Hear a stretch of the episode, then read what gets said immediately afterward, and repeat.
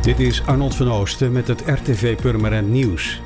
Vanaf 1 juli veranderen de regels rond parkeren in Purmerend. Behalve in het centrum geldt er dan ook betaald parkeren in alle buurten die aan het centrum grenzen. De Gors Noord, Kop West en de Zuiderpolder, oftewel de Bloemenbuurt. Bij de meeste parkeerautomaten in Zuiderpolder kunt u vanaf 1 juli eerst alleen met muntgeld betalen. Dit zijn tijdelijke automaten.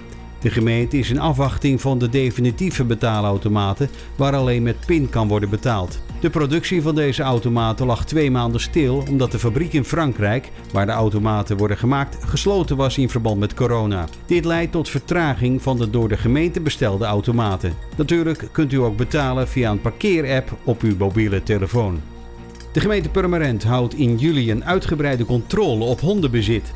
Controleurs gaan na of hondenbelasting is betaald. De ervaring leert dat niet iedere hondenbezitter zijn of haar viervoeter aanmeldt.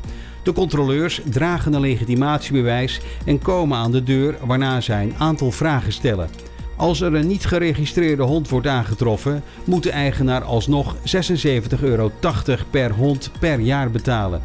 Is de bewoner niet thuis, maar is er het vermoeden dat er sprake is van hondenbezit, dan gaat er een aangifteformulier in de brievenbus.